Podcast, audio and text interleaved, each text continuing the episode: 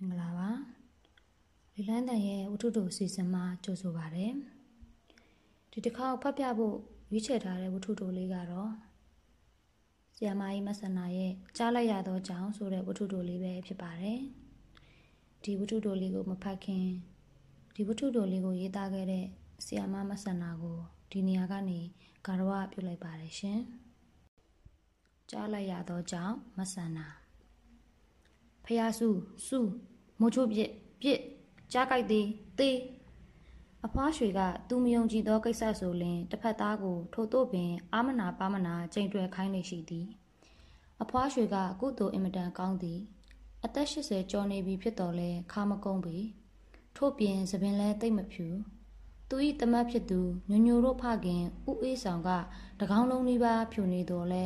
ဖွားရွှေဤကောင်းတွင်သပင်အမဲတွေအများကြီးကျန်နေသေးသည်ထို့ပြင်မျက်စိလည်းတိတ်မမုံပေတည်င်းစာကို ကောင်းကောင်းကြည့်နိုင်သေးသည်သို့တော်ဖတ်တော့မဖတ်နိုင်စလုံးများကိုတက်တက်ကွက်ကွဲမမြင်ရသောကြောင့်တော့မဟုတ်စာမဖတ်တတ်သောကြောင့်သာဖြစ်သည်သို့တော်အဖွားရွှေကသူစာမဖတ်တတ်သည်ကိုမိသူမှမသိစေရလူထူလင်တည်င်းစာကို ကောက်ကင်ကဟိုလန်ဒီလန်လှန်လောပြီးဓာတ်ပုံတွေကိုကြည်မြဲဖြစ်သည် ဖွားရွှေကုသိုလ်ကောင်းပုံမှာခါမကုန်းယုံသပင်မဖြူယုံမျက်စိမမုံယုံသာမကသေးပါတတိကလည်းအင်မတန်ကောင်းနေပါသေးသည်ကြီးမှဖြစ်သောအဖြစ်ပြက်တွေကိုသာမကငယ်စဉ်ကအကြောင်းအရာတွေကိုပါမှတ်မိသည်သူဤမွေးနေ့ကွယ်လွန်သူညိုညိုတို့အဖိုးသူခင်ပွန်ဤမွေးနေ့သူ့သားသမီး၅ဦးလုံးဤမွေးနေ့အတူနှင့်အထွေးဆုံးသမီးဖြစ်သူညိုညိုတို့ညီအမ၃ဦးဤမွေးနေ့စသည်တို့ကိုပါအလွတ်ရသည်ဒုကနေတောက်ကနေလက်တန်းပြောနိုင်သည် ငါသာအဖွားလောက်မှတ်ညံကောင်းရင်တိတ်ဟန်ကြမှာတမိုင်းဆီယာမဖြစ်သူညိုညိုကမကြာခဏပြောမိတတ်သည်သူခမကကပသမိုင်းမြမသမိုင်းနဲ့မှတက်ကတဲ့များဖြင့်လုံးလေချားလဲလိုက်နေတတ်သဖြင့်သူဤမွေးနေ့ကိုပင်သူဟာသူတတိမရပဲမကြာခဏမေ့နေတတ်သောကြောင့်ဖြစ်သည်ဒါကတော့အဖွားကမှတ်စရာဒါပဲရှိတာကိုပိုပိုတို့မမူတို့လို equation တွေ theory တွေဒသမဂိမ်းတွေစင်းရင်းစရာတွေရှုပ်လိုက်ရင်မှတ်မိချင်မှမှတ်မိမှာပါ သိပ္ပံသမားများဖြစ်ကြသောပိုပိုနှင့်မမူကတော့သူတို့တွေထက်အဖွားကပိုပြီးမှတ်ဉဏ်ကောင်းသည်ဟုတထစ်ချလက်မခံခြင်းပေအဖွား၏အုံနောက်တွင် အကန့်ပေါင်းများစွာသည် ရှင်းနေသည်ဒီတော့လဲသူမှတ်ချင်သောအရာကိုစနစ်တကျမှတ်ထားနိုင်သည်ဟုယူဆကြင်ကြသည်သို့သော80ကျော်ဟုသောအသက်နှင့်တိုင်းတာလင်အဖွား၏မှတ်ဉဏ်သည် ရှားမှရှားအောင် ကောင်းလှသည်ကိုတော့ဝိဇ္ဇာသမားရောသိပ္ပံသမားပါချွင်းချက်မရှိလက်ခံရသည် သို့တော်လဲကုသိုလ်ကံကသူ့ဘက်တွင်အစအဆုံးဖေးကူသည်တော့မဟုတ်ပေဒုက္ခမြသူများပြောသောစကားကိုတော့တော်ယုံနှင့်မကြားနိုင် အတော်ကြီးကိုနားလေးရှာသောကြောင့်ဖြစ်သည်နားလေးသူများစကားပြောလင်အကျယ်ကြီးတော်လဲဖြစ်တတ်သည်သို့တည်းမဟုတ်အလွန်လှင်လဲတိုးတက်သည်ဟုဆိုကြသည် အဖွားရှိကဒုတိယအမျိုးအစားတွင်ပါသည်သူသည်တိုးတိတ်ညင်သာစွာရွေရှားသွားတတ်သောသူ၏ခန္ဓာကိုပိန်ပိန်ပပနှင့်လျော်ညီစွာစကားကိုလည်းတိုးတိုးလေးပင်ပြောတတ်သည် သူ့ကိုနားလေးသည်ဟုအကျယ်ကြီးအော်ပြောလင်လဲမကြိုက်သို့သောအချို့နားလေးသူများလိုလည်းအကင်းမပါကြည်အချို့သူများကနှကန်းလှုပ်သည်ကိုကြည့်ပြီးဘာပြောသနည်းမှန်းဆ၍ကြည်တတ်သည်ဖွားရွှေကတော့ထို့သို့မဟုတ်သူမေးချင်ရမေးပြီးဖြေသူကဖြေချင်တယ်လို့ဖြေကြားချင်တယ်လို့ပြန်ကြားပြစ်လိုက်သည်သာဖြစ်သည်ဥပမာညိုညိုတို့အမေဒေါ်အေးခင်မနက်ဈေးမှပြန်လာတိုင်းအဖွားရွှေနှင့်အချီအချပြောကြသည်ကိုတစ်ခါလောက်နားထောင်ကြည့်လင်သိနိုင်သည် ဈေးထဲမှာငမင်းလေးများမတွေ့ခဲ့ဘူးလားအေးမတွေ့ဘူးအမေငဒန်နေကြည့်ပဲဘိုက်သားမရရင်မဝဲတာကောင်းပါတယ်ငမင်းဆိုရင်ခေါင်းနဲ့ဘိုက်သားပဲကောင်းတာအမေငမင်းကြိုင်မှန်းသိပါတယ်အမေရဲ့ဒါပေမဲ့ဈေးထဲမှာကငမင်းအစ်စ်မရှိဘူးငဒန်ကိုငမင်းလုပ်ပြီးရောင်းကြတာအိုးငချင်းတော့တိတ်မကြိုက်ပါဘူးอืมငချင်းကြိုင်အကောင်းသားငချင်းအကောင်ကြီးတွေတော့တွေ့တယ်ဟုတ်လားဒါပေမဲ့ငရမ်းချောက်ကစားပေါ်မှာကောင်းတာ စားပေါ်တဲ့ငရမ်းချောက်ကတော့ရွှေထက်တောင်ရှားအောင်မယ်အမေရွှေကမှပတ်စံရှင်ရဝယ်လို့ရသေးတယ်ငါးရွှေတွေတော့ဝဲမလာနဲ့နော်ငါးရွှေနှံ့ကတိတ်နှီတာပဲငါးရွှေကငါစုပ်လွန်ရင်တော့မစိုးဘူးအမေရဲ့ငဖယ်စုပ်ထက်တွက်ချေကြိုက်တယ်ဘာရဲ့ပဇွန်ချောက်တပိတ်သား90တောင်ပေးရတယ်ဟုတ်လားအမေနဲ့အဖွားသည်မနက်တိုင်းဈေးမှပြန်လာတိုင်းထို့သို့ပင်အချီအချပြောလေရှိကြသည်ထို့သို့ပြောကြတိုင်းလဲညညိုတို့ညီမတွေကြိတ်ပြီးပြုံးကြရဲကြရသည် ဖွားရွှေကအမှတ်တညာကောင်းလာသောကြောင့်လွန်ခဲ့သော14ငါးနှစ်ကဈေးနှုန်းကိုဆွဆွဲမြဲမြဲမှတ်မိနေသည်နားကလည်းမကြားအော်ပြောလင်လည်းမကြိုက်မကြိုက်မှန်းသိတော့အဖွားကြားလာအောင်ညီသူကားမှလည်းအညိုညင်ခံပြီးမအော်ဒီတော့လဲဖွားရွှေသည်သူ့စိတ်ကူးကဘာထဲတွင် သူ့ကုံစင်းနှုံးနှင့်သူ့ဟာသူတလိမ့်လိမ့်နှင့်လိမ့်နေတတ်လေသည်ကြက်တပိတ်သား46ကျက်တဲ့ကြီးလိုက်တဲ့ဈေးဝယ်စားရတဲ့သူတွေမွဲရောပေါ့ တခါတရံလဲကွန်းရတဲ့ထက်ရန်ကွန်းသီးစိတ်ကလေးများကိုတန်စုံနဲ့ထည့်ထောင်းရင်တယောက်တည်းညင်းညူနေတတ်၏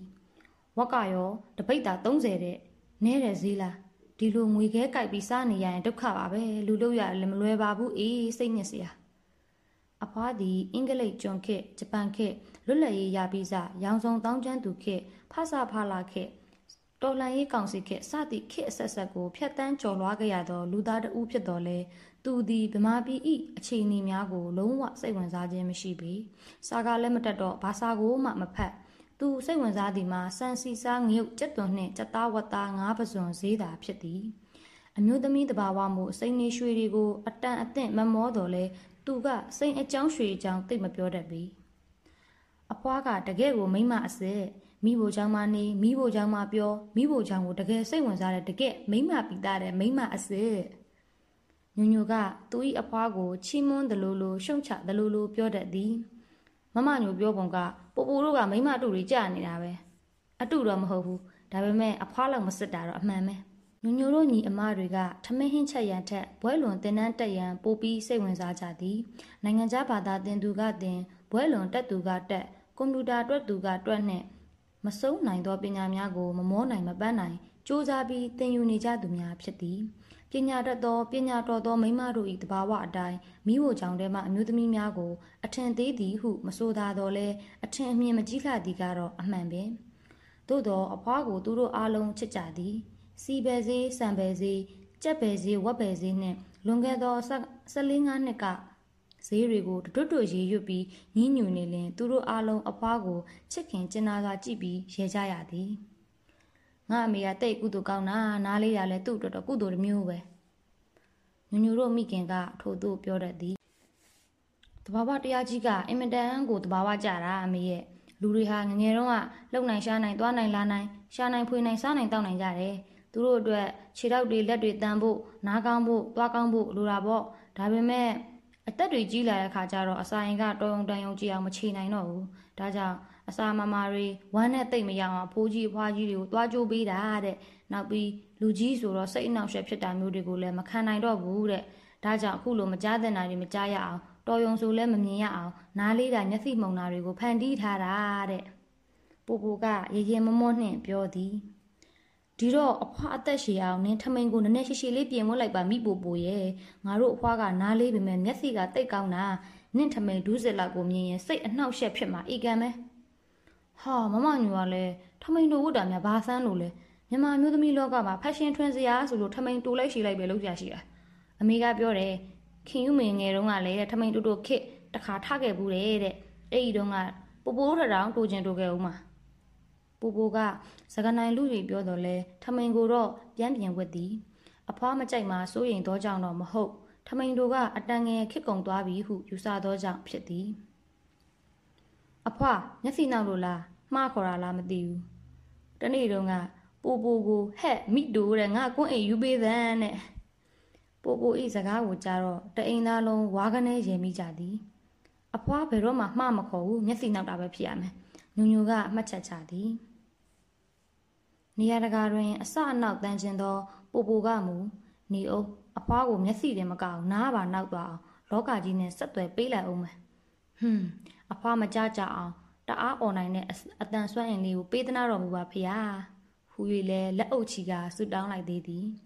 နောက်တစ်နေ့ကျတော့သူဤရွှေဘီးကြီးကိုတန်တစ်တာထဲမှထုတ်ကြည့်နေသောအဖွားနာသို့ပို့ပို့ရောက်သွားသည် အဖွားရှိတွင်လက်ဖြန့်ခံရင်းရွှေဘီးကြီးကိုတောင်းသည်မပေးနိုင်ပါ၏ကျုပ်မှဒီရွှေဘီးတစ်ချောင်းမှရှိတော့တာအဖွားကလေးအေးအေးနှင့်ပြောသည်ဒီရွှေဘီးကညီတို့အဖိုးလက်ဆောင်ပေးတာတစ်ချက်ခွဲသားတောင်ရှိတယ်ဤရဲ့အခုလောက်ဆိုရင်3000လောက်တော့တန်းနေပြီ 3000မဟုတ်ဘူး3000 3000အေးလီ3000ဆိုပါမှငါသိပါတယ်ရွှေသေးတွေကတက်လိုက်လာလိုက်တာတစ်ချက်သားကို2000လေးအဖွားကိုစကြင်နေသောမိပိုပိုက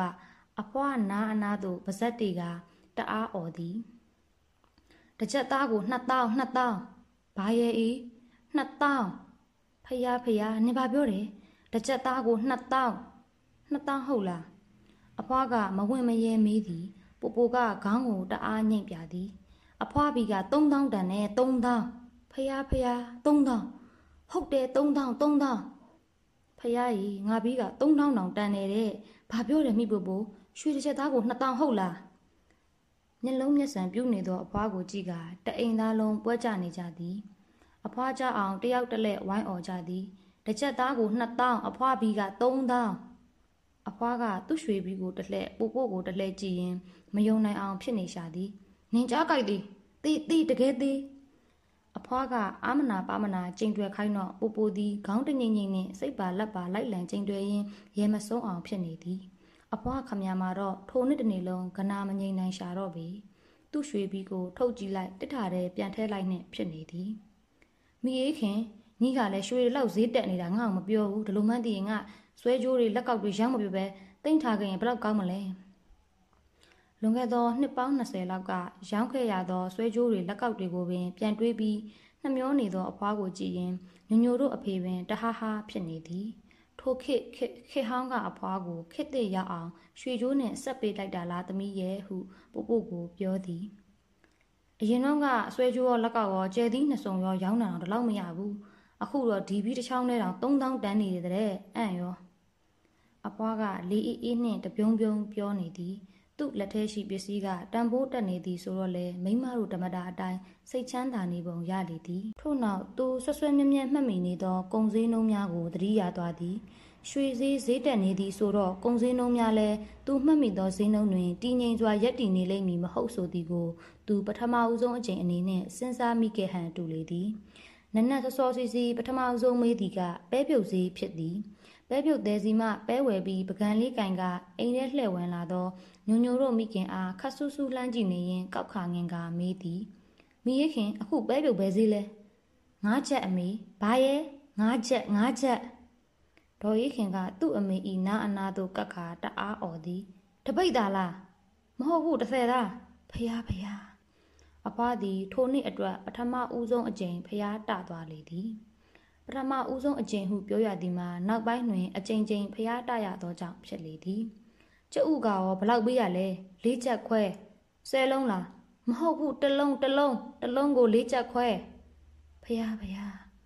အဖွားသည်သူ့အတွက်မကြက်တကြက်ပြုတ်ပေးထားသောကြက်ဥပြုတ်ကလေးကိုမစားရတော့သလိုငီးကြည့်နေသည်ပဲစီက160တပုံးလားမဟုတ်ဘူးတပိတ်သားတပိတ်သားကို160ဟုတ်လားသမီး ဟုတ်တယ်မေတပိတ်သားကို160တပုံးကို1600ပေးရတယ်ဖះဖះစီမထဲပဲပြုတ်စားလဲဖြစ်ပါတယ်ကွယ်အဖွားကသူ့ရှိမှာကြက်သားပြုတ်ကျော်ပကံလေးကိုငေးကြည့်ရင်တပြင်းချသည်ထို့နောက်မရဲတရဲဆက်မိသည်ကြက်သားကရော18ချက်အမေတပိတ်သားလားမဟုတ်ဘူးအမေအစိတ်သားလားဟင်း30သား30သားကို18ကျပ်ဟုတ်လားဒီလိုဆိုတပိတ်သားကို180ပေါ့အ ဖွားကအတန်တုံတုံနှင့်တွက်ချက်နေသည်ဖះဖះဒီလိုသာဒီလိုသာဆိုကြက်သားမချက်ပါနဲ့တော့သမီးရဲ့ဝတ်သားလေးပါလေးချက်ပါတော့ဒါနဲ့ဝက်ကရော130ဖះဝတ်တောင်100ကျော်တယ်အဖွားကဖះတားလိုက်ညူညူတို့ကဝါခနဲ့ရီလိုက်ကြနဲ့တအိမ်လုံးစုညံဆိုပြေးနေသည်တယောက်တလဲစီအောနေကြရသဖြင့်လေချောင်းတွေပင်နားနေတော့လဲမျက်လုံးပြူးမျက်စံပြူးဖြစ်နေသောအဖွားကိုကြည့်က သူတို့အားလုံးဥမြူးနေကြရလေသည်ဟေ့အဖွားကိုမျက်ဖြူဆိုင်သွားအောင်စံစည်းပြပြလိုက်ကြရအောင်ပူပူကမမွအားလက်တို့သည်အာရီဟော်ရီဆန်ဘယ်စည်းလဲသိချင်လားအဖွားဤထမင်းပကံထဲမှပသိမ်ပေါ်ဆန်းမွေးထမင်းဖြူဖြူပွေးပွေးကလေးများကိုပြပြီးပူပူကပြောသည် အဖွားကသူ့ကိုမော့ကြည့်ကပြောပါအောင်ဟူသောအမူအရာနှင့်မင်းငော်သည်တပီကိုတပီကိုနော်အေးတပီကိုဘလောက်လဲ 82ကျက်ဘာပြောတယ်စံတပီကို82ကျက်ဟုတ်လားမိပူပူနင်ယူနေသလားမယူဘူးအပွားအကောင်အကောင်ဟုတ်ရဲ့လားမရေးခင်စံတပီ82ကျက်တဲ့ဒေါ်အေးခင်ကခေါင်းငိန်တော်လဲဒီတစ်ခေါက်တော့အဖွားကယုံကြည်ဟန်မတူတော့ပေထုံးစံအတိုင်း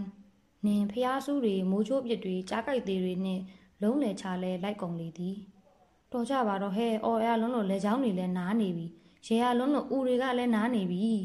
နောက်ဆုံးတော့ညိုညိုတို့အဖေကတားယူရသည်ငါအမေထမင်းစားနေတာအေးအေးဆေးဆေးစားပါစီဘာစည်းညာသေးဘယ်သူမှလာမပြောကြနဲ့တော့သွားကြသို့တော်လဲအဖွားကတော့ထမင်းကိုကောင်းစွာမစားနိုင်ရှာတော့ပြီစံကြည့်လိုက်စီကြည့်လိုက်အသားလုံးလေးကင်ကြည့်လိုက်နှင့်တပြင်းတခြားရှာဖြစ်နေရှာသည် ထမင်းစားပြီးဖီးချမ်းငပြောသည်စီမီတော့တဖီးကိုငါးချက်ဟုអော်ပြောသည်ဟမ်အမေကလည်းတဖီးကိုအစိတ်တောင်ပေးခဲ့ရတာလက်ရင်ဖီးကြီးလေအေးဒါမဲ့အမေစိတ်ချမ်းသာအောင်ငါးချက်လို့ပြောတာဟေ့နောက်ကငါအမေမင်းဈေးအမှန်ဘယ်တော့မှမပြောကြနဲ့တော့လေးပုံတစ်ပုံလောက်ပဲပြောကြလားညနာမသားမရဖြစ်နေသောသူ့မိခင်ကိုကြည်ရင်ဒေါ်အေးခင်တနာနေသည်တော်ကြာငါတို့လောက်တာနဲ့အမေနှလုံးယောဂဖြစ်နေဦးမယ် အဖွားကအသက်80ကျော်ပြီဖြစ်တော်လဲနှလုံးယောဂါတို့သွေးတိုးယောဂါတို့မရှိခဲ့ဘူးပေသူ၏သမီးဖြစ်သူဒေါ်အေးခင်ကစီးချိုယောဂါရှိနေတော်လဲသမက်ဖြစ်သူဦးအေးဆောင်ကသွေးတွေတရိပ်ရိပ်တက်နေတော်လဲအဖွားကဘာဆိုဘာမှမဖြစ်ဘူးပေထို့ကြောင့်ထမင်းလဲလျှော့ရမလို့အချိုးအငံတို့ကိုလည်းရှောင်ရန်မလိုခဲ့ပြီအဖွားကတိတ်ကူတူကောင်းတာအဲ့လိုလူမျိုးကတင်ရင်လဲဝေဒနာမခံရဘူးတိတ်တိတ်ဆိတ်ဆိတ်ကလေးတည်သွားတတ်တယ် တအိမ်ကျော်မှဘဘကြီးဥပမောင်ကမကြာခဏပြောတတ်သည်အမေမသေးသေးပါဘူးအမေကအသက်ကြီးပင်မဲ့ဇရာရဲ့ဖိစီးမှုကိုတိတ်မခံရပါဘူးဘာယောဂဝေဒနာမှလည်းမရှိဘူးတည်ချင်းတင်ကျမတို့ကသာရင်ဒီပါဒေါ်အေးခင်ကလည်းပြောတတ်သည်အဖွားကိုရုတ်တရက်တေဆုံးသွားလိမ့်မည်ဟုသူလုံးဝမထင်မှတ်ခဲ့ပေသို့တော့အဖွားသည်ရုတ်တရက်တေဆုံးသွားခဲ့လေသည်နောက်တစ်နေ့မနက်ကျတော့ အဖွားအိယာထနောက်ကျနေသည်တအိမ်လုံးတွင် နောက်ဆုံးမှထားလေရှိသောမုံမုံနိုးလာသည့်အထိအဖွားကထမလာသေးချေအဖွားညကအိတ်မပြောဘူးထင်တယ်ဟာဒီနေ့တော့စံစည်းစီသွေးတွေအဖွားကမပြောကြနဲ့တော့ညူညူကရေရေမောမောပြောရင်းအဖွားကိုသွားနှိုးသည်ဂရင်မော်တွင်ညာဘက်ဆောင်ရင်ကိုကွေလေးအိတ်နေဟန်ရှိသောအဖွားကတော့နိုးမလာတော့ကြီးညူညူကထိတ်လန့်တကြားနှင့်အဖွားအဖွားထားတော့လေဟုအော်ရင်း တအားလှုံလို့တော့လက်ထဲမှစိတ်ပတိလေးကလွတ်ကျသွားသည်အဖွားသတိမိနေတာပါအသက်ရှူလာမှာပါညူညူကထင်နေတော့လဲအဖွားသည်ဘဘကြီးဥပမောင်ပြောသလိုရုတ်တရက်တည်ဆုံးသွားခဲ့ပြီဖြစ်လေသည်အိတ်နေနှလုံးသွေးကြောပြတ်သွားတာထင်တယ်နှလုံးကပုံမှန်လဲပတ်နေရကနေရုတ်တရက်ဖောက်ပြန်ပြီးအသက်ပါပါသွားတာဒါမျိုးဖြစ်တတ်ပါတယ်လေးဖြတ်သွားတာပါရှင်အသက်က80နဲ့3နှစ်တဲ့ဒီရွယ်သေးတာမှမစင်းစားနဲ့အိုလို့သေးတာပါရှင်းနေတာပဲ အဖွားတရားချင်းအကြောင်းကိုတယောက်တစ်မျိုးအမျိုးမျိုးပြောကြသည်အဖွား၏ရုပ်အလောင်းကိုခွဲစိတ်ပြီးမကြည့်ခဲ့သည့်အတွက်ဘာကြောင့်သိဆုံးရသည်နည်းတက်အပ်တေချာတော့ဘယ်သူမှမပြောနိုင်ပူပူကတော့အိတ်ဆက်နေသောအဖွား၏ခန္ဓာကိုယ်လေးကိုတအားဖက်ခါငိုသည်ထို့နောက်ပူပူတို့ကကြားကြိုက်လို့မသေးပေမဲ့အဖွားကတော့ကြားလိုက်လို့တည်သွားတာလားပြောပါအောင်အဖွားရဲ့ဟုမချိတင်ခဲ့ပြောရှာလေသည်မဆန္နာ ကလျာမဂဇင်းဇန်နဝါရီလ1993ဒီဝတ္ထုတိုလေးကိုနားဆင်ပြီးတဲ့အခါနားဆင်သူရင်တဲ့တခုခုကြံခဲ့မယ်လို့ညွှန်လင်းပါတယ်စာဖတ်တာလိုအပ်တဲ့နေရာများရှိရင်လည်းနှလုံးသားနဲ့နားဆင်ပေးကြပါလို့မြစ်တာရက်ခံပါတယ်နားဆင်သူတဦးတယောက်ချင်းစီကိုလည်းလေးလိုင်းတမကျေးဇူးအထူးပဲတင်ပါတယ်ရှင်မင်္ဂလာပါလေးလိုင်းတန်ရဲ့ဝတ္ထုတို့အစီအစဉ်မှကြိုဆိုပါရစေဒီတစ်ခေါက်ဖတ်ပြပေးဖို့ ရွေးချယ်ထားတဲ့ဝတ္ထုတို့လေးကတော့ဆီယာမာကြီးကျူးရဲ့ဝတ္ထုတို့တွေထဲကတစ်ခုဖြစ်တဲ့ဆဲတဲ့သူများနဲ့တညက်နေဆိုတဲ့ဝတ္ထုတို့လေးပဲဖြစ်ပါတယ်ဒီဝတ္ထုတို့လေးကိုမဖတ်ခင်ဒီဝတ္ထုတို့လေးကိုရေးသားခဲ့တဲ့ဆီယာမာကြီးကျူးကိုဒီနေရာကနေလေးစားစွာဂါရဝပြုလိုက်ပါတယ်ရှင်ဆဲတဲ့သူများနဲ့တညက်နေဆေးလိမ်မိခိုးမှွေများတစတစပါလွာကပျောက်ကွယ်သွားပြီ။ ကွင်းတစ်ခုလုံးတပ်ဝင်လှုပ်ရှားနေခဲ့သောကစားသမားတို့၏လှုပ်ရှားမှုများသည်ပျောက်ကွယ်သွားပြီ။အော်ဟစ်ဆဲဆူသံများဖြင့်စူညံနေခဲ့သောကျမပတ်ဝန်းကျင်တွင် လူမရှိတော့သော ထိုင်ကုန်လွတ်များသာကြံတော့သည်။ကစားကွင်းမြက်ခင်းပြင်သည်ယခုတော့တိတ်ဆိတ်လျက်ရှိ၏။ထွက်ပေါက်တွင်တရွေ့ရွေ့ထိုးထွက်နေကြသော လူအစုအဝေးများရှင်းသွားသည့်အထိဆောင်ရင်းကျမတို့နှစ်ယောက်ခုံတန်းများစီမှတဖြည်းဖြည်းဆင်းလာခဲ့ကြသည် ဘောလုံးပွဲပြီးသွားတော့လဲကျမစိတ်ထဲတွင်လွတ်လပ်ပေါ်ပါမသွားပါကျမမျောလင့်သည့်ကစားကွက်မျိုးကိုမမြင်တွေ့ရ၍ပဲလားကျမအာယုံတွင်ယခုတိုင်ဆွဲထင်လျက်ကြံရစ်နေသောဥရောပတကွန်စိုက်ပွဲဤဘောလုံးကစားဟန်များကြောင့်ပဲလားဤခြေစမ်းပွဲကို ကျမအားမရပါဘောလုံးပွဲကြည့်နေရသည်ဟုလည်းမခံစားရပါဒီကြားထဲတွင်ကန်ဆိုးဝါးစွာ ကျမတို့အနီးမှလူတစုက ဘောလုံးသမားများကိုပြစ်ပြစ်နှစ်နှစ်အော်ဆဲနေသောကြောင့်ကျမစိတ်ပြက်နေခဲ့ရသည်တိတ်မှရိုင်းတာပဲလှုပ်ကနေရေရွတ်ရှုံချမိတော့မောင်ကကျမလက်ပွားကိုတတိပေးသလိုဆွဲညှိကျမတိတ်ဆိတ်စွာမြို့သိပ်တီးခံ၍ဆက်လက်ကြည့်ရှုခဲ့ရသည်သို့တော့နောက်ထပ်မိနစ်20ကြာတော့ကျမအနားကလူတွေအော်ဟစ်ဆဲရေးကြပြန်သည်ကျမရုတ်တရက်ထပြန်ရန်ပင်စိတ်ကူးမိပြီးမောင်ကိုတိုင်ပင်မိသည် မောင်ကမပြန်ကျင်ခဲ့ပါ ဆဲကျင်တလောက်ဆဲပါစီကွာမကြကြအောင်စောင်းနေလိုက်ပေါ့သူတို့ဘယ်တော့ကလေးကဆဲကျင်နေမှမမသိတာယောက်ျားတော်တော်များများကဒီလိုပဲကွဘောလုံးပွဲမှာလာလာဆဲကြတာပဲအဲ့ဒီယောက်ျားမျိုးစားထဲမှာမောင်ပါနေသလားဟုကျမမယုံသင်္ကာမင်းပြီးတော့မောင်မျက်မှောင်ကျုပ်၍ညင်ခဲ့သည်ကြံကြီးစီရကွာကိုဘယ်တော့ကဆဲတတ်ဘူးလို့လဲအဲ့လိုအောက်တန်းကြတဲ့အစာတွေကိုမပါဘူး သူကိုယ်သူဂုံတင်လိုစိတ်ဖြင့်ကာကွယ်လိုက်သောစကားသည် အခြားလူအမျိုးအစားကိုစော်ကားလိုက်သလိုဖြစ်သည်ဟုမောင်တွက်ဆဟန်မတူပါကျမစကားကိုသူတို့ကြားပြီးရန်ဖြစ်မှာထိုးကျိန်မှာစိုးရိမ်သွားသောကြောင့်ကျမချက်ချင်းတိတ်ဆိတ်သွားရသည်သို့သောထိုအုပ်စုသည် ကျမတို့၏စကားကြိတ်ကြိတ်တီးတိုးသံကိုကြားဟန်မတူပါကျမမှာကြည်နေရသည့်ကစားပွဲကိုအာမလူအာမရစိတ်ပြက်သည်ကတပိုင်းဘေးနားကမရိုင်းနေသောလူများက အော်ဟစ်ဆဲဆိုတန်းကိုတုံလှုပ်စွာစိတ်ညစ်နေရသည်ကတပိုင်းမို့ပွဲမမြန်ပြီးပါစေဟုဆုတောင်းနေခဲ့သည်ကဘာမှာဒုတိယအစဲရေးခံရဆုံးသောပုဂ္ဂိုလ်အမျိုးအစားမှာဘောလုံးသမားများဖြစ်ဟန်တူ၏ယခုတော့ပွဲပြီးသွားပေပြီကျမလည်းစိတ်ချမ်းသာသွားရပြီကစားကွင်းခိတ်ပတ်ဝမှတိုးထွက်ရင်းနောက်တစ်ခါတော့လာမကြည့်တော့ပါဘူးဟုဆုံးဖြတ်လိုက်သည် ဒီပုံစံမျိုးနဲ့ကတော့ကွာထိုက်မပြောနဲ့မော်လတိုက်ကိုတော့ရှင်းနိုင်မှာမဟုတ်ဘူးဟွန်းမှာပဲကျမဘေးနားမှအကျယ်လောင်သောဝေဖန်တန်ထွက်လာ၏ကျမလှည့်ကြည့်လိုက်သည့်အခါမှတ်မိနေသောမျက်နှာတစ်ခုကိုမြင်ရသည်သူပဲသူတို့ကျမနားကြီးလောက်အောင်ဆဲကြီးအော်ဟစ်နေခဲ့ကြတာဖြူဖက်ဖြူရောဂျင်းရှက်အင်းကြီးခနွမ်းနွမ်းကိုလက်ခောက်တင်လျက်မတိမသက်ဝတ်ဆင်ထားပြီးသပင်ခါခတ်ရှုပ်ရှုပ်မျက်ခုံးပါပါမျက်လုံးကဟိုးချိုင်နေမှာ အရက်တောက်နေကြမျက်လုံးလိုပင်သွေးကြောများနီနေသည့်မျက်လုံးထိုမျက်လုံးဖြင့်ကျမအားဖြတ်ခနဲလှည့်ကြည့်တော့ကျမမောင်အနီးသို့တိုးကပ်သွားမိသည်မိမတွေလည်းဘောလုံးပွဲကြည့်လာပြီကွာနော်ကျမကိုပဲစောင်းမြောင်းလိုသလားတကယ်ပဲအံ့ဩစွာမှတ်ချက်ချလေသလားမသိပါဘေးကသူ့အုပ်စုဝင်လူ၃ယောက်ကထိုကိစ္စကိုတယောက်တစ်မျိုးစုညံစွာဝေဖန်ချက်ပေးနေသည်ကိုကြားရသည် တယောက်ကအကွက်မပေါ်တော့သောပစိုးကိုကပုံးစားကြီးကြီးထုတ်ဝတ်ထား၏တယောက်ကတော့ဘလို့မှမလိုက်ဖက်သည့်အနီရောင်ရှအင်းကြီးနှင့်ခရမ်းရောင်ပစိုးနှင့်ဘလို့လူတွေပါလိမ့်သူ့ရုပ်ကိုကြည့်တော့နည်းနည်းမှတနာကမားမရှိမျက်နာခတ်ချောင်းချောင်းလယ်ဘင်းမှာဆက်စီကြီးလားအိုမဲလားခမဲမဲအရာစွန့်တင်ပေးကြနေသေးသည်တယောက်ကတော့အခြားလူတွေလိုအလုတ်ကျန်းသမားဟုတ်ပုံမရတတ်တတ်ရရက်တတိတတ်တတ်မောင် နောက်တစ်ခါကျမလိုက်မကြည့်တော့ဘူးကောက်ပါလေဗျာဒီစကားကြားကျင်နေရကြာပြီကျမယောက်ျားသည်မိန်းမနှင့်ယောက်ျားဘယ်နေရာမှအဆင့်အတန်းမတူညီနိုင်ဟုသည့်ယူဆကိုတသက်လုံးဆွဲကင်လာသူဖြစ်၏ကျမတစတစဘောလုံးဝါသနာပါလာသည်ကို သူများယောက်ျားတွေလိုမုဒိတာမပွားနိုင်သူအာမပေးလိုသူဖြစ်၏ဘောလုံးပွဲကြည့်နေတုန်းကျမကမေးခွန်းမေးလင်စိတ်မရှိတတ်သူဖြစ်၏ ကျမကမိမပီပီတခါတခါဒိုင်လူကြီးပေးသည့်ပြစ်ဒဏ်များကို နားမလည်လိုက်သည့်အခါမျိုးရှိသည်။မောင်ကနေုံကွာပြီးမှရှင်းပြမယ်ဟုတူတူပြက်ပြက်ပြောတတ်သည်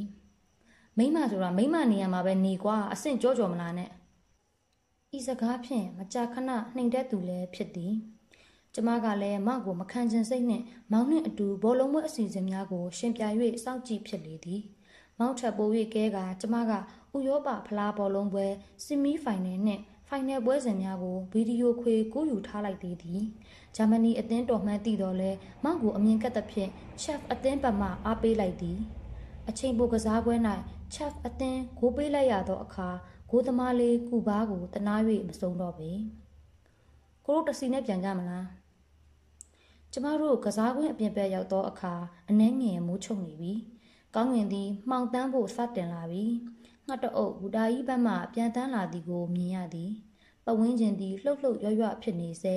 အိမ်အပြန်အလင်းလိုသူများဖြင့်လမ်းမသည်ရှုပ်ထွေးနေသည်ကျမတို့ရှေ့တွင် ကိုပိုင်ကားများအငှားကားများဘတ်စကားများလှည့်မြန်စွာဖြတ်သွားနေကြ၏ဟင်အင်းပစကားနယ်ပဲပြန်မယ်ဒီအချိန်ဆိုရင်အောက်ဆန်းခွင့်မှကြည့်မြင်နိုင်သောအငှားကားမှာအနည်းဆုံး150မှ180အထိရှိတတ်သည်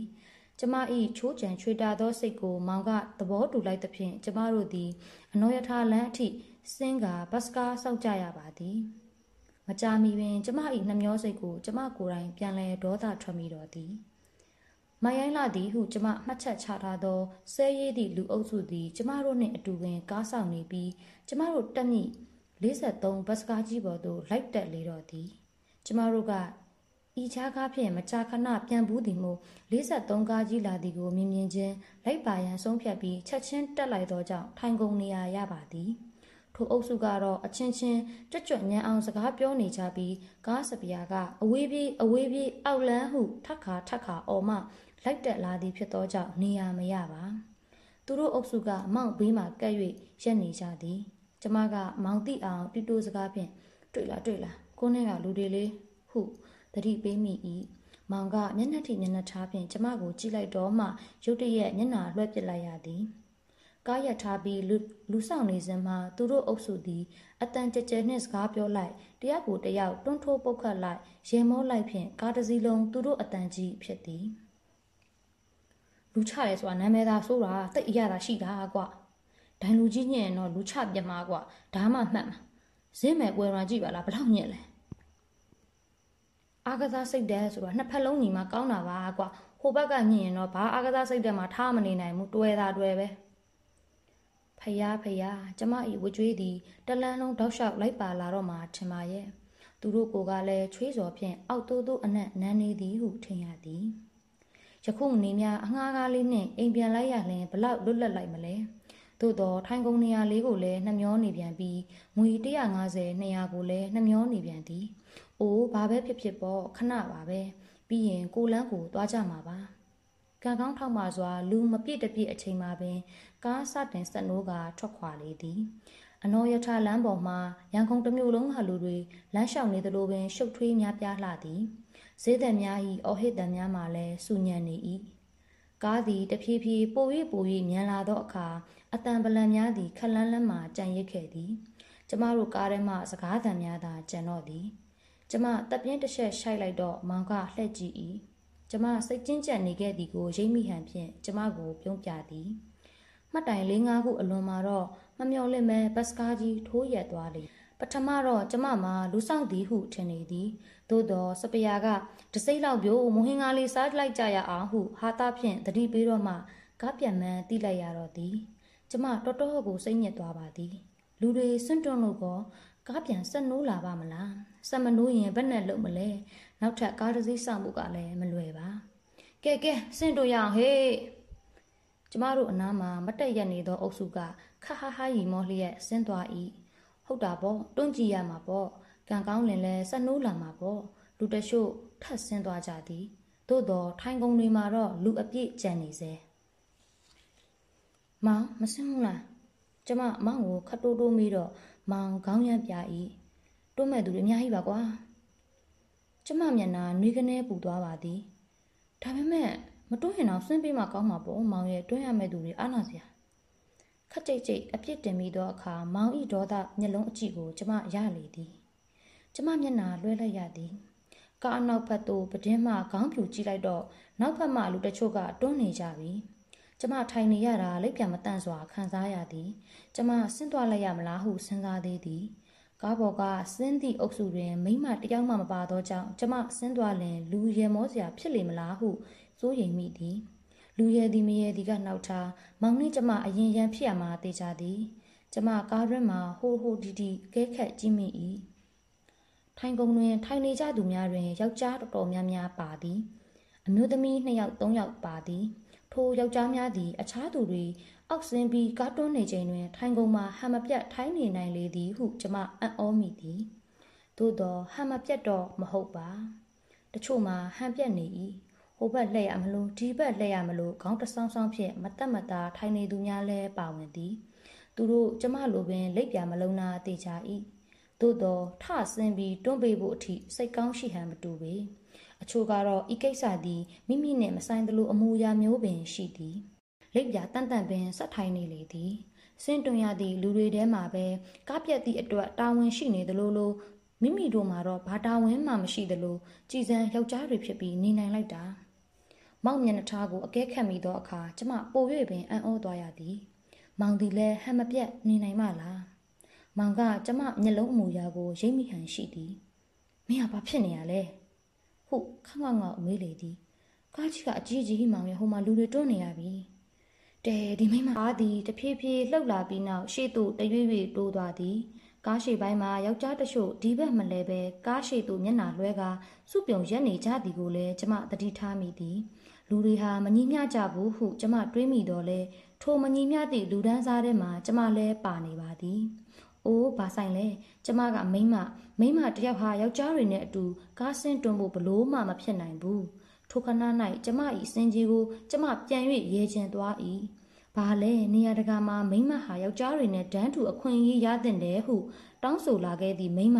အခုဒီအခါမျိုးမှာတော့ဘာလို့အခွင့်အရေးတူမယူပြန်သလဲ။ဘာဖြစ်လို့အားနွဲ့သည့်မိမသားအဖြစ်ပေကက်နေခဲ့ပါသလဲ။ကျမအဆင့်တွားလိုက်ရင်ဘာဖြစ်သွားမှာမလို့လဲ။ ထိုခဏ၌ကျမ၏ဥကောင်းထက်တွင်တခုခုကဖိနှိပ်ထားသလိုလေးလံလာ၏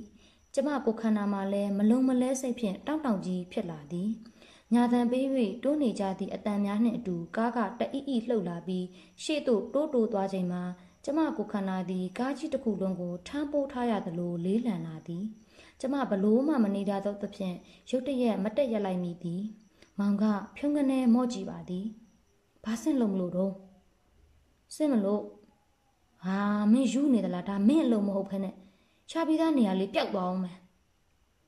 ထိုခဏမှာကျမသည်လေထဲမှာကိုခန္ဓာတစ်ခုလုံးလွင့်ပြန်ပြောက်ွယ်သွားပါစေဟုတန်းတာမိသည်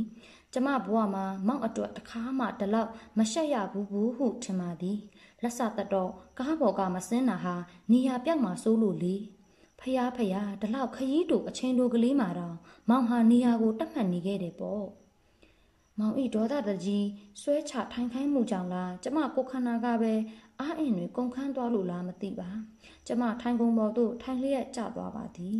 ထိုအချိန်မှာပင်ကားဆက်တံပြန်ထွက်ပေါ်လာပြီးဟေးကနေပျော်ရွှင်စွာအော်ဟစ်တံများကြားရသည်ထို့နောက်သူတို့အားလုံးကားပေါ်သို့ကတော်ကမျောပြန်တက်လာကြသည်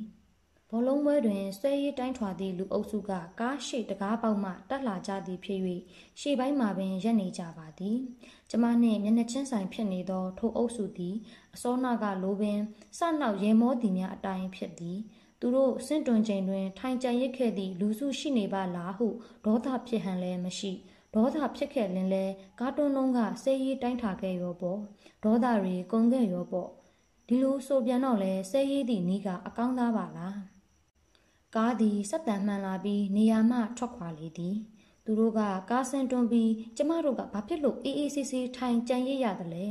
လမ်းတစ်လျှောက်လုံးကျမမျက်နှာပူစွာခက်ရှက်ရှက်ဖြစ်နေ၏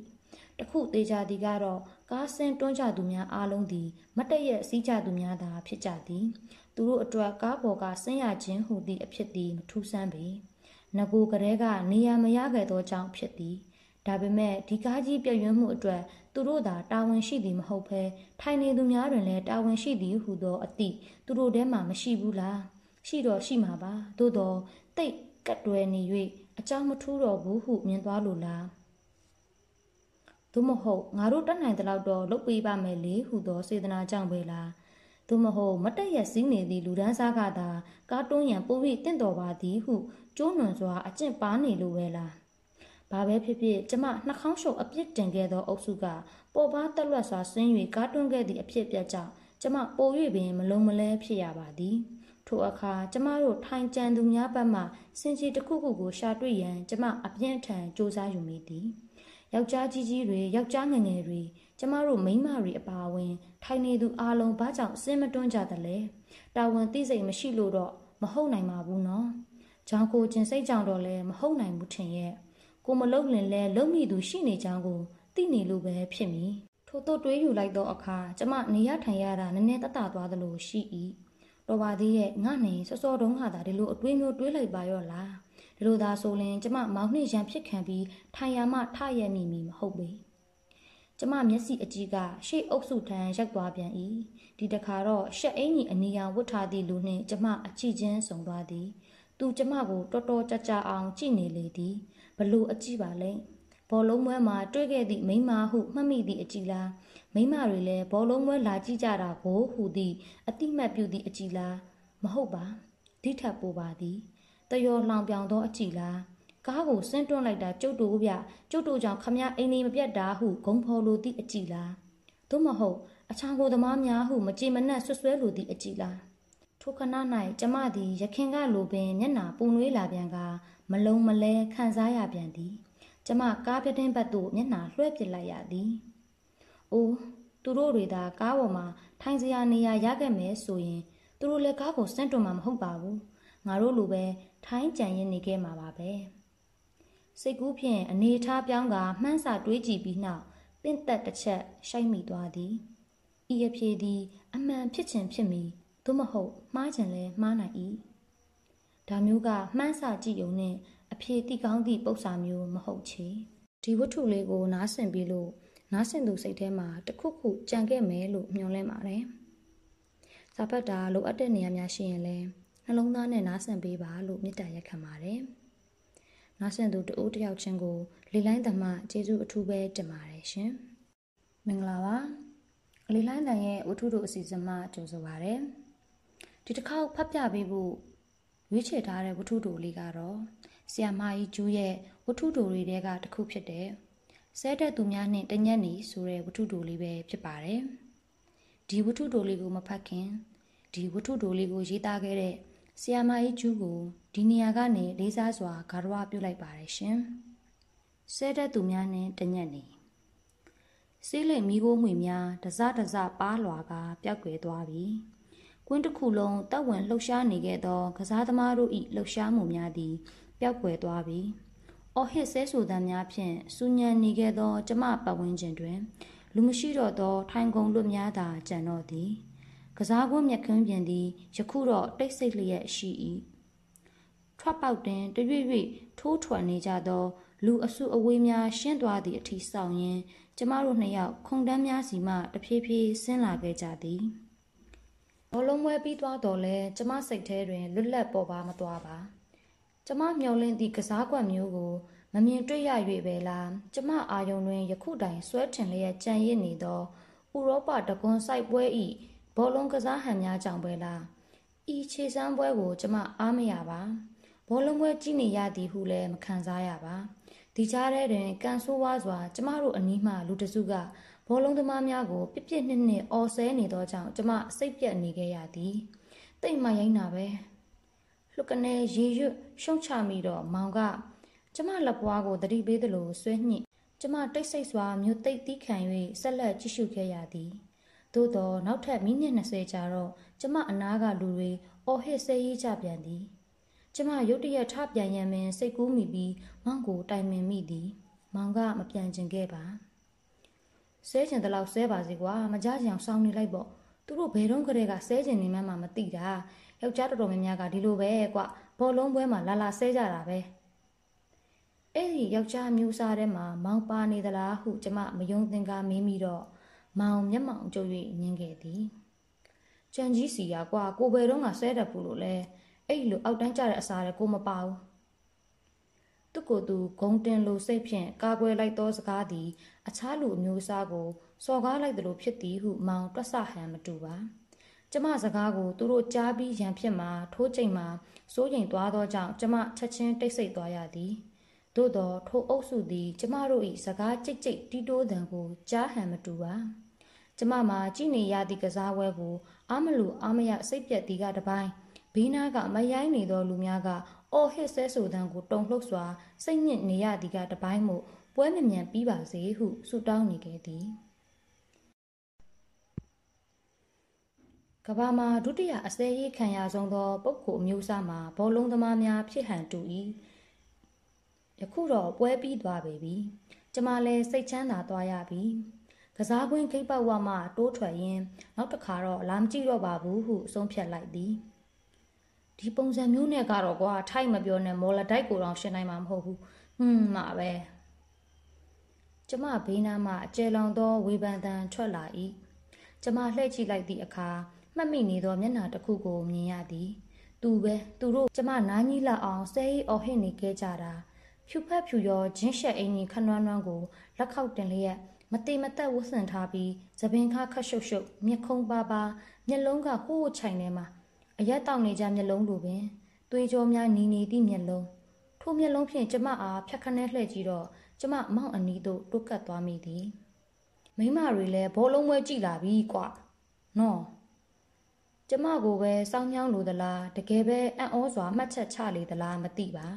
ဘေးကသူ့အုပ်စုဝင်လူ၃ယောက်ကထိုကိစ္စကိုတယောက်တစ်မျိုးစုညံစွာဝေဖန်ချက်ပေးနေသည်ကိုကြားရသည် တယောက်ကအကွက်မပေါ်တော့သောပစိုးကိုကပုံးစားကြီးကြီးထုတ်ဝတ်ထား၏တယောက်ကတော့ဘလို့မှမလိုက်ဖက်သည့်အနီရောင်ရှအိန်းကြီးနှင့်ခရမ်းရောင်ပစိုးနှင့်ဘလို့လူတွေပါလိမ့်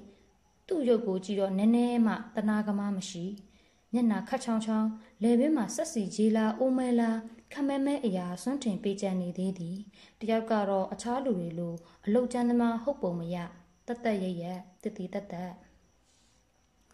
မောင် နောက်တစ်ခါကျမလိုက်မကြည့်တော့ဘူးကောက်ပါလေဗျာဒီစကားကြားချင်နေရကြာပြီကျမယောက်ျားသည်မိန်းမနှင့်ယောက်ျားဘယ်နေရာမှအဆင့်အတန်းမတူညီနိုင်ဟုသည့်ယူဆကိုတသက်လုံးဆွဲကင်လာသူဖြစ်၏ကျမတစတစဘောလုံးဝါသနာပါလာသည်ကို သူများယောက်ျားတွေလိုမုဒိတာမပွားနိုင်သူအာမပေးလိုသူဖြစ်၏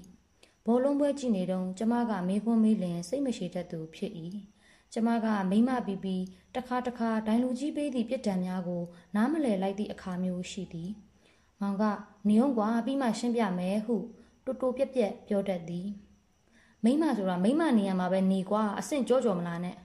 ။ဤစကားဖြင့်မကြာခဏနှိမ်တဲ့သူလည်းဖြစ်သည်။ကျမကလည်းမောင်ကိုမခံချင်စိတ်နဲ့မောင်နှင့်အတူဘောလုံးမွဲအစီအစဉ်များကို ရှင်ပြ၍စောင့်ကြည့်ဖြစ်လေသည်။မောင်ထပ်ပိုး၍ကဲကကျမက ဥရောပဖလားဘောလုံးပွဲဆီမီဖိုင်နယ်နှင့်ဖိုင်နယ်ပွဲစဉ်များကိုဗီဒီယိုခွေကူးယူထားလိုက်သေးသည်ဂျာမနီအသင်းတော်မှန်းသိတော်လဲမောက်ကိုအမြင်ကပ်သဖြင့် chef အသင်းပတ်မှအားပေးလိုက်သည်အချိန်ပိုကစားပွဲ၌ chef အသင်းဂိုးပေးလိုက်ရသောအခါဂိုးသမားလေးကုဘာကိုတနာ၍မစုံတော့ပေကိုတို့တစီနဲ့ပြန်ကြမလားကျမတို့ကစားကွင်းအပြင်ဘက်ရောက်သောအခါအနှဲငယ်မိုးချုံနေပြီကောင်းငင်သည်မှောင်တန်းဖို့စတင်လာပြီ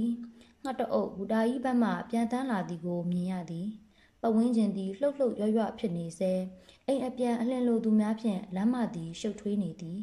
ကျမတို့ရှေ့တွင် ကိုပိုင်ကားများအငှားကားများဘတ်စကားများလှည့်မြန်စွာဖြတ်သွားနေကြ၏ဟန်အန်ဘတ်စကားနဲ့ပဲပြန်မယ်ဒီအချိန်ဆိုရင်အောင်ဆန်းခွင့်မှကြည့်မြင်နိုင်သောအငှားကားမှာအနည်းဆုံး150မှ180အထိရှိတတ်သည်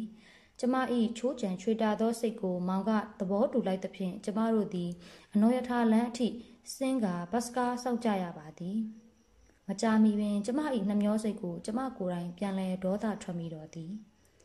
မယိုင်းလာသည်ဟုကျမမှတ်ချက်ချထားသောဆဲရည်သည့်လူအုပ်စုသည် ကျမတို့နှင့်အတူပင်ကားဆောင်နေပြီးကျမတို့တက်မိ53ဘတ်စကားကြီးပေါ်သို့လိုက်တက်လေတော့သည် ကျမတို့က ဤချားကားဖြင့်မကြာခဏပြန်ဘူးသည်မို့53ကားကြီးလာသည်ကိုမြင်မြင်ချင်းလိုက်ပါရန်ဆုံးဖြတ်ပြီးချက်ချင်းတက်လိုက်သောကြောင့်ထိုင်ကုန်နေရရပါသည်ထိုအုပ်စုကတော့အချင်းချင်းကြွကြွညံအောင်စကားပြောနေကြပြီးကားစပီယာကအဝေးပြေးအဝေးပြေးအောက်လန်းဟုထက်ခါထက်ခါအော်မှလိုက်တက်လာသည်ဖြစ်သောကြောင့်နေရမရပါသူတို့အုပ်စုကမောင်ဘေးမှကပ်၍ရက်နေကြသည်ကျမကမောင်တိအောင်တူတူစကားဖြင့်တွေ့လားတွေ့လားကိုနဲ့ကလူတွေလေးဟု သတိပေးမိ၏မောင်ကမျက်နှာထိမျက်နှာထားဖြင့်ကျမကိုကြည့်လိုက်တော့မှရုတ်တရက်မျက်နှာလွှဲပစ်လိုက်ရသည်ကားရထားပြီးလူလူဆောင်နေစဉ်မှာသူတို့အုပ်စုသည်အတန်ကြဲကြဲနှင့်စကားပြောလိုက်တယောက်ကိုတယောက်တွန်းထိုးပုတ်ခတ်လိုက်ရေမောလိုက်ဖြင့်ကားတစ်စီးလုံးသူတို့အတန်ကြီးဖြစ်သည်လူချရဲဆိုတာနာမည်သာဆိုတာတိတ်အရသာရှိတာကွာဒိုင်လူကြီးညင်တော့လူချပြမှာကွာဒါမှမှတ်မှာဇင်းမဲ့ပွဲရန်ကြည့်ပါလားဘလောက်ညင်လဲ အာကစားစိတ်တဲ့ဆိုတော့နှစ်ဖက်လုံးညီမကောင်းတာပါကွာဟိုဘက်ကညင်ရင်တော့ဘာအာကစားစိတ်တဲ့မှာထားမနေနိုင်ဘူးတွဲတာတွဲပဲဖယားဖယားကျမဤဝကြွေးသည်တလန်းလုံးတောက်လျှောက်လိုက်ပါလာတော့မှထင်ပါရဲ့သူတို့ကိုကလည်းချွေးစော်ဖြင့်အောက်တိုးတိုးအနက်နန်းနေသည်ဟုထင်ရသည်ယခုနေများအငှားကားလေးနှင့်အိမ်ပြန်လိုက်ရလင်ဘလောက်လွတ်လပ်လိုက်မလဲသို့တော့ထိုင်ကုန်နေရာလေးကိုလည်းနှမျောနေပြန်ပြီးငွေ150 200ကိုလည်းနှမျောနေပြန်သည်။ အိုးဘာပဲဖြစ်ဖြစ်ပေါ့ခဏပါပဲ။ပြီးရင်ကိုလန်းကိုသွားကြမှာပါ။ကံကောင်းထောက်မှစွာလူမပြည့်တပြည့်အချိန်မှာပင် ကားစတင်ဆက်နိုးကထွက်ခွာလေသည်အနောယထလမ်းပေါ်မှာရန်ကုန်တစ်မျိုးလုံးဟာလူတွေလမ်းလျှောက်နေသလိုပင်ရှုပ်ထွေးများပြားလှသည်ဈေးသက်များ၏အော်ဟစ်တံများမှလည်းစူညံနေ၏ကားသည်တဖြည်းဖြည်းပို၍ပို၍မြန်လာသောအခါအတန်ပလံများသည်ခလန်းလန်းမှကြံရစ်ခဲ့သည် ကျမတို့ကားထဲမှစကားသံများသာကြံတော့သည် ကျမတပ်ပြင်းတစ်ချက်ရှိုက်လိုက်တော့မောင်ကလှည့်ကြည့်၏ကျမစိတ်ကျဉ်ကျပ်နေခဲ့သည်ကိုရိပ်မိဟန်ဖြင့်ကျမကိုပြုံးပြသည်မှတ်တိုင်၄၅ခုအလွန်မှာတော့မမျော်လင့်မဲ့ဘတ်စကားကြီးထိုးရက်သွားလေပထမတော့ကျမမှာလူဆောင်သည်ဟုထင်နေသည်သို့တော့စပယာကတစိမ့်လောက်ပြိုးမဟင်္ဂါလေးစားလိုက်ကြရအောင်ဟုဟာတာဖြင့်တတိပေးတော့မှကားပြန်မှန်းတိလိုက်ရတော့သည် ကျမတော်တော်ကိုစိတ်ညစ်သွားပါသည် လူတွေစွန့်တွန်းလို့ကော ကားပြန်ဆက်နိုးလာပါမလားဆက်မနိုးရင်ဘယ်နဲ့လုပ်မလဲနောက်ထပ်ကားတစ်စီးစောင့်ဖို့ကလည်းမလွယ်ပါကဲကဲဆင့်တို့ရအောင်ဟေးကျမတို့အနားမှာမတက်ရက်နေသောအုပ်စုကခဟဟရီမောလျက်ဆင်းသွား၏ဟုတ်တာပေါ့တွန့်ကြည့်ရမှာပေါ့ကံကောင်းလင်လဲဆက်နိုးလာမှာပေါ့လူတချို့ထပ်ဆင်းသွားကြသည်သို့တော့ထိုင်ကုန်တွေမှာတော့လူအပြည့်ကြံနေစေမောင်မဆင်းဘူးလားကျမမောင်ကိုခတ်တိုးတိုးမိတော့ မောင်ခေါင်းရမ်းပြ၏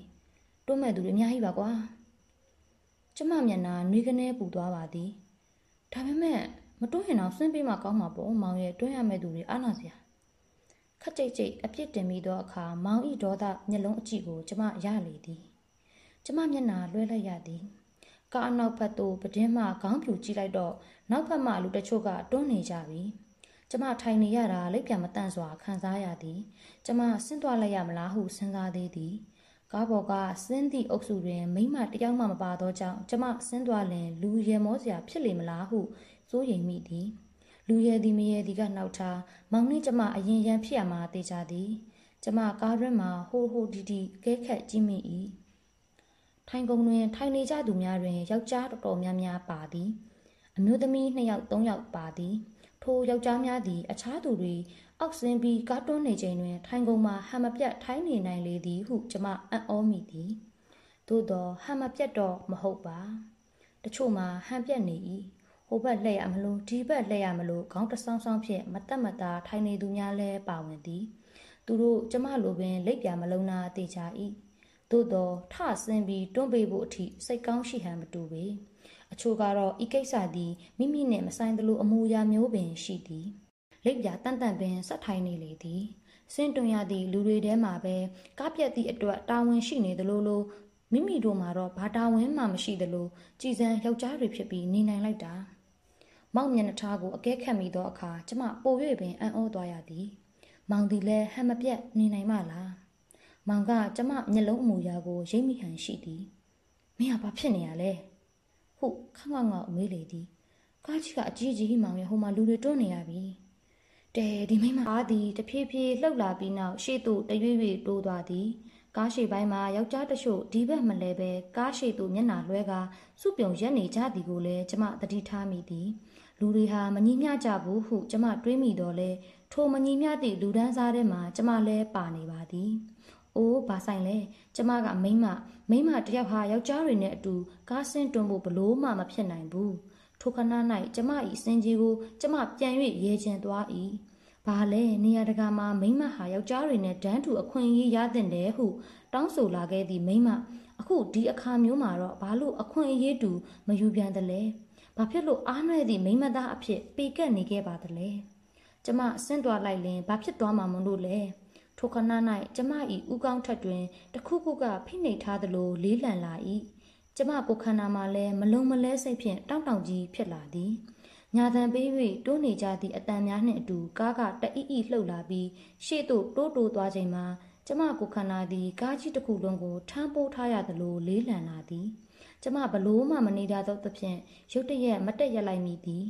မောင်ကဖြုံးကနေမော့ကြည့်ပါသည်ဘာဆင့်လုံးမလို့တော့ စစ်မလို့ဟာမင်းယူနေသလားဒါမင်းအလုံးမဟုတ်ဖ ೇನೆ ချာပြီးသားနေရာလေးပျောက်သွားအောင်မယ်ထိုခဏမှာကျမသည်လေထဲမှာကိုခန္ဓာတစ်ခုလုံးလွင့်ပြန်ပြောက်ွယ်သွားပါစေဟုတန်းတာမိသည်ကျမဘဝမှာမောက်အတွက်တခါမှဒီလောက်မရှက်ရဘူးဘူးဟုထင်ပါသည်လက်စတတော့ကားပေါ်ကမစင်းတာဟာနေရာပြောက်မှာစိုးလို့လေဖျားဖျားဒီလောက်ခရီးတူအချင်းတို့ကလေးမှာတော့မောင်ဟာနေရာကိုတတ်မှတ်နေခဲ့တယ်ပေါ့ မောင်ဤဒေါသတကြီးဆွဲချထိုင်ခိုင်းမှုကြောင့်လားကျမကိုခန္ဓာကပဲအားအင်တွေကုန်ခန်းသွားလို့လားမသိပါကျမထိုင်ကုန်ပေါ်သို့ထိုင်လျက်ကျသွားပါသည်ထိုအချိန်မှာပင်ကားဆက်တံပြန်ထွက်ပေါ်လာပြီးဟေးကနေပျော်ရွှင်စွာအော်ဟစ်တံများကြားရသည် ထို့နောက်သူတို့အားလုံးကားပေါ်သို့ကတော်ကမျောပြန်တက်လာကြသည် ဘောလုံးပွဲတွင်ဆွဲရည်တိုင်းထွာသည့်လူအုပ်စုကကားရှိတကားပေါက်မှတက်လာကြသည်ဖြစ်၍ရှေ့ပိုင်းမှာပင်ရက်နေကြပါသည်ကျမနှင့်မျက်နှာချင်းဆိုင်ဖြစ်နေသောထိုအုပ်စုသည်အစောနာကလိုပင်စနောက်ရေမောသည်များအတိုင်းဖြစ်သည်သူတို့စင့်တွင်ချိန်တွင်ထိုင်ကြံရစ်ခဲ့သည့်လူစုရှိနေပါလားဟုဒေါသဖြစ်ဟန်လည်းမရှိဒေါသဖြစ်ခဲ့လင်လဲကားတွန်းလုံးကစေးရီးတိုင်းထာခဲ့ရောပေါ့ဒေါသတွေကုန်ခဲ့ရောပေါ့ဒီလိုဆိုပြန်တော့လဲစေးရီးသည့်နီးကအကောင်းသားပါလား ကားသည်စက်တန်မှန်လာပြီးနေရာမှထွက်ခွာလေသည်သူတို့ကကားဆင်းတွန်းပြီးကျမတို့ကဘာဖြစ်လို့အေးအေးဆေးဆေးထိုင်ကြံရစ်ရတယ်လဲလမ်းတစ်လျှောက်လုံးကျမမျက်နှာပူစွာခက်ရှက်ရှက်ဖြစ်နေ၏တခုသေးကြသည်ကတော့ကားဆင်းတွန်းကြသူများအားလုံးသည်မတည့်ရက်စီးကြသူများသာဖြစ်ကြသည်သူတို့အတွက်ကားပေါ်ကဆင်းရခြင်းဟူသည့်အဖြစ်သည်မထူးဆန်းပေငကိုကလေးကနေရာမရခဲ့သောကြောင့်ဖြစ်သည် ဒါပေမဲ့ဒီကားကြီးပြည့်ရွံ့မှုအတွက်သူတို့သာတာဝန်ရှိသည်မဟုတ်ဘဲထိုင်နေသူများတွင်လည်းတာဝန်ရှိသည်ဟုသောအသည့်သူတို့ထဲမှာမရှိဘူးလားရှိတော့ရှိမှာပါသို့တော့တိတ်ကတ်တွယ်နေ၍အကြောင်းမထူးတော့ဘူးဟုမြင်သွားလို့လားသို့မဟုတ်ငါတို့တတ်နိုင်တဲ့လောက်တော့လုပ်ပေးပါမယ်လေဟုသောစေတနာကြောင့်ပဲလားသို့မဟုတ်မတက်ရစည်းနေသည့်လူဒန်းစားကသာကားတွန်းရန်ပိုပြီးတင့်တော်ပါသည်ဟုကျိုးနွန်စွာအကျင့်ပါနေလိုပဲလား ဘာပဲဖြစ်ဖြစ်ကျမနှာခေါင်းရှုပ်အပြစ်တင်ခဲ့သောအုပ်စုကပေါ်ပါတက်လွတ်စွာဆင်း၍ကားတွန်းခဲ့သည့်အဖြစ်ပြက်ကြောင့်ကျမပို၍ပင်မလုံးမလဲဖြစ်ရပါသည်ထိုအခါကျမတို့ထိုင်ကြံသူများဘက်မှစင်ကြီးတစ်ခုခုကိုရှာတွေ့ရန်ကျမအပြင်းထန်စ조사ယူမိသည်ယောက်ျားကြီးကြီးတွေယောက်ျားငယ်ငယ်တွေကျမတို့မိန်းမတွေအပါအဝင် ထိုင်နေသူအလုံးဘာကြောင့်စင်မတွန်းကြသလဲတာဝန်သိစိတ်မရှိလို့တော့မဟုတ်နိုင်ပါဘူးနော်။ကြောင်ကိုကျင်စိတ်ကြောင့်တော့လည်းမဟုတ်နိုင်ဘူးထင်ရဲ့။ ကိုမလုံလင်လဲလုံမိသူရှိနေကြောင်းကိုသိနေလို့ပဲဖြစ်မည်။ထို့သို့တွေးယူလိုက်သောအခါကျမနေရထိုင်ရတာနည်းနည်းတတသွားသလိုရှိ၏။တော်ပါသေးရဲ့ငါနေစောစောတုန်းကသာဒီလိုအတွေးမျိုးတွေးလိုက်ပါရော့လား။ဒီလိုသာဆိုရင်ကျမမောင်နှင့်ရန်ဖြစ်ခံပြီးထိုင်ရမှထရမိမီမဟုတ်ပေကျမမျက်စိအကြည့်ကရှေ့အုပ်စုထံရောက်သွားပြန်၏ဒီတခါတော့ရှက်အင်းကြီးအနီရောင်ဝတ်ထားသည့်လူနှင့်ကျမအကြည့်ချင်းဆုံသွားသည်သူကျမကိုတော်တော်ကြကြအောင်ကြည့်နေလေသည် ဘလို့အကြည့်ပါလဲဘောလုံးမွဲမှာတွေ့ခဲ့သည့်မိမဟုမှတ်မိသည့်အကြည့်လားမိမတွေလည်းဘောလုံးမွဲလာကြည့်ကြတာကိုဟူသည့်အတိမတ်ပြုသည့်အကြည့်လားမဟုတ်ပါဒီထက်ပိုပါသည်တယောလောင်ပြောင်သောအကြည်လားကားကိုဆင်းတွန်းလိုက်တာကျုပ်တို့ဗျကျုပ်တို့ကြောင့်ခမရအိမ်နေမပြတ်တာဟုဂုံဖော်လိုသည့်အကြည်လားသို့မဟုတ်အချောင်ကိုသမားများဟုမကြည်မနှက်ဆွဆွဲလိုသည့်အကြည်လားထိုခဏ၌ကျမသည်ရခင်ကလိုပင်မျက်နာပူနွေးလာပြန်က မလုံမလဲခံစားရပြန်သည်ကျမကားပြတင်းဘက်သို့မျက်နာလွှဲပစ်လိုက်ရသည်။အိုးသူတို့တွေသာကားပေါ်မှာထိုင်စရာနေရာရခဲ့မယ်ဆိုရင်သူတို့လည်းကားကိုစန့်တွန်းမှာမဟုတ်ပါဘူး။ငါတို့လိုပဲထိုင်းကြံရင်နေခဲ့မှာပါပဲစိတ်ကူးဖြင့်အနေထားပြောင်းကမှန်းစာတွေးကြည့်ပြီးနောက်ပင့်သက်တစ်ချက်ရှိုက်မိသွားသည်ဤအဖြေသည် အမှန်ဖြစ်ခြင်းဖြစ်မီသို့မဟုတ်မှားခြင်းလည်းမှားနိုင်၏ ဒါမျိုးကမှန်းစာကြည့်ုံနဲ့အဖြေတိကောင်းသည့်ပု္ပ္ပာမျိုးမဟုတ်ချေဒီဝတ္ထုလေးကိုနားဆင်ပြီးလို့နားဆင်သူစိတ်ထဲမှာတခုခုကြံခဲ့မယ်လို့မျှော်လင့်ပါတယ်စာဖတ်တာလိုအပ်တဲ့နေရာများရှိရင်လည်းနှလုံးသားနဲ့နားဆင်ပေးပါလို့မေတ္တာရက်ခံပါတယ်။နားဆင်သူတဦးတယောက်ချင်းကိုလေလိုင်းသမားကျေးဇူးအထူးပဲတင်ပါတယ်ရှင်။